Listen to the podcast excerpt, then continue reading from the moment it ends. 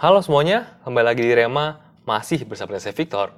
Hari ini kita membahas mengenai sebuah quotes yang mungkin kita udah sering lihat ya di sosial media, di post sama teman kita, atau mungkin kita sendiri yang kirim quotes ini ke teman-teman kita yang mungkin lagi struggling karena suatu hal. Quotes itu adalah God gives his toughest battle to his strongest soldiers. Atau kalau saya boleh terjemahkan, Tuhan memberikan pertempuran paling berat kepada prajurit yang paling kuat. Agak kurang keren ya kalau udah diterjemahin. Tapi kurang lebih seperti ini artinya. Tetapi sebenarnya, kalau kita pikirkan lebih dalam mengenai quotes ini, is it true? Apakah benar bahwa Tuhan memberikan pertempuran paling hebat kepada prajurit yang paling kuat? Apakah quotes ini sebenarnya biblical? Nah, pertama-tama, kita perlu tahu bahwa yang pasti quotes ini nggak mengutip daripada ayat Alkitab apa pun. Nggak ada sama sekali ayat di Alkitab yang mengatakan mengenai hal ini. Dan secara makna, menurut saya secara pribadi, arti daripada kalimat ini juga tidak tepat. Kenapa? Karena pertama, secara tidak langsung, quotes ini berkata bahwa ada orang-orang yang memiliki pertempuran ataupun juga struggle yang mudah dan ada juga yang susah. Kalau begini, artinya itu kita udah mulai mengcompare ataupun juga membandingkan kesusahan kita dan juga kesusahan orang lain. Dan ini menurut saya tidak tepat. Karena pada dasarnya, setiap daripada kita semua itu punya strugglingnya masing-masing. Dan ini dikarenakan kejatuhan manusia daripada dosa. Kita semua struggle karena desire kita sendiri, karena godaan yang ada, dan karena memang dosa yang ada di dunia ini. Yang bisa datang dalam bentuk penyakit, atau mungkin juga kejahatan orang lain kepada diri kita. Karena kita semua mengalami struggle, jadi menurut saya kurang tepat kalau kita membandingkan kesulitan dari struggle kita itu dengan orang lain. Galatia 6 ayat 4 sampai 5 itu berkata seperti ini. Baiklah tiap-tiap orang menguji pekerjaannya sendiri, maka ia boleh bermegah melihat keadaannya sendiri dan bukan melihat keadaan orang lain. Sebab tiap-tiap orang akan memikul tanggungannya sendiri. Nah, ayat ini udah dengan jelas mengatakan bukan bahwa kita tuh nggak boleh membandingkan keadaan kita dengan orang lain. Karena setiap orang itu punya tanggungannya sendiri. Semisal gini nih, kalau kita tuh udah mulai membandingkan kesulitan kita dengan orang lain, efeknya itu bisa dua hal. Pertama, kita bisa merasa kesulitan kita besar, dan kesulitan orang lain itu kecil. Sehingga kita mulai meremehkan kesulitan mereka, ataupun juga kita menganggap diri kita sebagai, tanda kutip ya, prajurit yang lebih kuat. Ataupun juga yang kedua, kita merasa bahwa kesulitan kita kecil dibandingkan orang lain, tapi kita kesusahan. Sehingga kita mulai minder sama diri kita sendiri, dan menganggap bahwa orang lain sebagai, tanda kutip, prajurit yang lebih kuat, dan kita itu lemah. Ini tuh dua-duanya nggak ada yang benar. Sama kayak yang Dennis katakan di Rema beberapa episode yang lalu. Sombong dan minder itu pada dasarnya sama aja. Karena fokusnya adalah kepada diri kita sendiri. Inilah alasannya kenapa kita nggak boleh membandingkan kesulitan yang kita hadapi dengan orang lain. Plus, kita juga perlu mengerti, sesuatu yang mudah bagi kita, itu belum tentu mudah bagi orang lain. Dan juga sebaliknya, sesuatu yang sulit bagi kita, belum tentu sulit bagi orang lain. Karena setiap daripada kita itu diciptakan unik oleh Tuhan. Jadi kurang tepat kalau kita membandingkan seseorang dengan yang lain dalam sebuah konteks yang sama. Semisal nih ya, struggling saya adalah masalah boros secara finansial. Setiap ada duit, pasti nggak lama akan saya habiskan. Saya struggling dalam hal ini bertahun-tahun. Tapi, mungkin bagi Dennis, ini hal yang mudah. Karena dia orangnya nggak suka belanja. Dia mungkin strugglingnya dalam hal lain. Semisal mungkin dalam sisi emosional. Dia gampang marah, ataupun juga yang lainnya. Which is, bagi saya itu mudah. Karena saya orangnya lebih stabil. Sih, ini berbeda bukan? Setiap dari kita tuh punya blind spotnya masing-masing.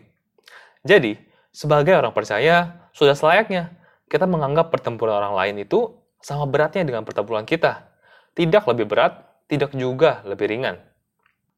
Hal kedua yang menurut saya kurang tepat adalah quotes ini seakan berkata bahwa besarnya permasalahan itu menentukan kekuatan daripada orang tersebut. Ini juga tidaklah benar. Karena setiap daripada kita orang percaya, kita itu sama. Kita tuh nggak ada apa-apanya tanpa Tuhan kita tidak akan mampu melewati apa pun itu, baik itu cobaan, godaan, pertempuran, tanpa kekuatan Tuhan. Tuhanlah yang bekerja melalui kita, memampukan kita, dan membantu kita untuk melewati struggle tersebut. Filipi 4 ayat 12-13 berkata seperti ini, Aku tahu apa itu kekurangan, dan aku tahu apa itu kelimpahan. Dalam segala hal dan dalam segala perkara, tidak ada sesuatu yang merupakan rahasia bagiku, baik dalam hal kenyang maupun dalam hal keraparan, baik dalam hal kelimpahan maupun dalam hal kekurangan Segala perkara dapat kutanggung di dalam dia yang memberi kekuatan kepadaku. Jadi, fokusnya bukanlah di seberapa kuat kita, tapi kepada Tuhan yang bekerja melalui kita. Kalau kita merasa diri kita kuat, kita akan punya tendensi untuk enggak memerlukan Tuhan dan mulai merasa sombong. Sebaliknya, kalau kita merendahkan diri dan bergantung kepada Tuhan, maka apa pun itu struggle kita, Tuhan itu pasti akan bantuin kita. Karena sebesar apa pun masalahnya, Tuhan kita itu jauh lebih besar. Yohanes 16 ayat 33, Yesus berkata seperti ini. Semuanya itu kukatakan kepadamu, supaya kamu beroleh damai sejahtera dalam aku.